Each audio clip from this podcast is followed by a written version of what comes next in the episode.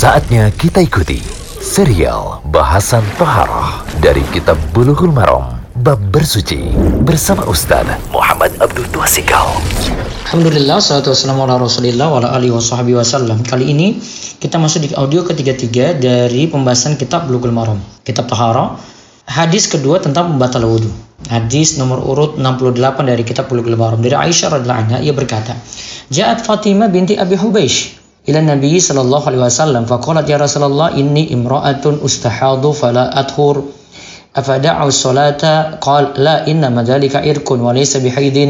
فإذا أكبرت حيضتك فدعي الصلاة فإذا أدبرت فاكسلي عنك الدم ثم صلي. متفق عليه وللبخاري. ثم توضأ لكل صلاة. وأشار مسلم إلى أنه حذفها عمدا داري Aisyah رضي الله عنها يبركاته Fatimah binti Abi Hubeish datang ke hadapan Nabi Shallallahu Alaihi Wasallam. Saya berkata, ya Rasulullah, sungguh aku ini perempuan yang selalu keluar darah istihadah dan tidak pernah suci.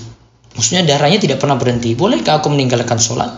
Maka Rasulullah Shallallahu Alaihi Wasallam menjawab, tidak boleh. Itu hanya penyakit irkun dan bukan darah haid. Ya, apabila waktu haidmu datang, tinggalkanlah sholat. Dan apabila haid itu berhenti maka bersihkanlah dirimu dari darah itu maksudnya mandi lalu sholatlah dalam riwayat Al-Bukhari disebutkan kemudian berwudu pada setiap hendak melaksanakan sholat. Summa tawaddu'i likuli sunatin. Setiap kali mau melaksanakan sholat. Imam Muslim beri isyarat bahwa kalimat tersebut sengaja dibuat oleh Al-Bukhari. Faedah hadis, hadis ini menunjukkan satu, istihadah adalah darah selain waktu normal. Jadi wanita itu biasa punya darah normal keluar pada siklus tertentu. Kalau istihadah di luar itu. Pembahasan ini akan lebih jelas kalau kita masuk pembahasan haid. Yang kedua, darah istihadah itu mengakibatkan hadas. Sehingga dihukumi membatalkan wudhu. Tiga, segala sesuatu yang keluar dari dua jalan itu membatalkan wudhu. Kecuali nanti bahasan kita untuk mani. Empat, untuk wanita istihadah dan yang berhadas terus-menerus Siapa yang berhadas terus-menerus itu seperti yang punya penyakit kencing terus-menerus, keluar angin atau keluar kentut terus-menerus atau buang hajat terus-menerus. Maka hendaklah berwudu setiap kali sholat. Ini ya, ini catatan ya. Apa yang dimaksudkan berwudu setiap kali sholat. Lalu untuk sholat yang diketahui batas waktunya. Jadi batas waktunya terbatas seperti sholat lima waktu. Disyaratkan berwudu setiap kali masuk waktu sholat. Setiap kali masuk waktu sholat. Sedangkan untuk sholat duha yang panjang batas waktunya, maka ia berwudu setiap kali hendak sholat.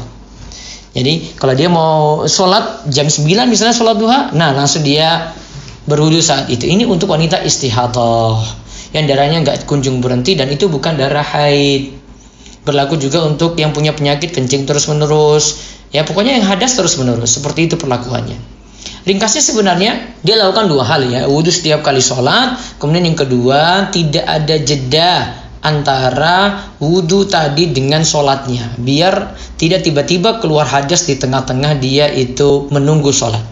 Baik, terus yang kelima darah haid dan istiadah itu najis. Bahkan menurut kebanyakan ulama darah secara keseluruhan itu najis.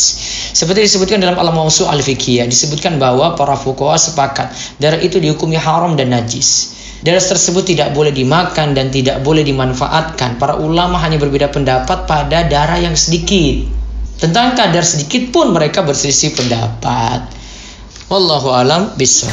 Demikian serial bahasan Toharoh dari Kitab Bulughul Maram Bab Bersuci bersama Ustaz Muhammad Abdul Tuasikal.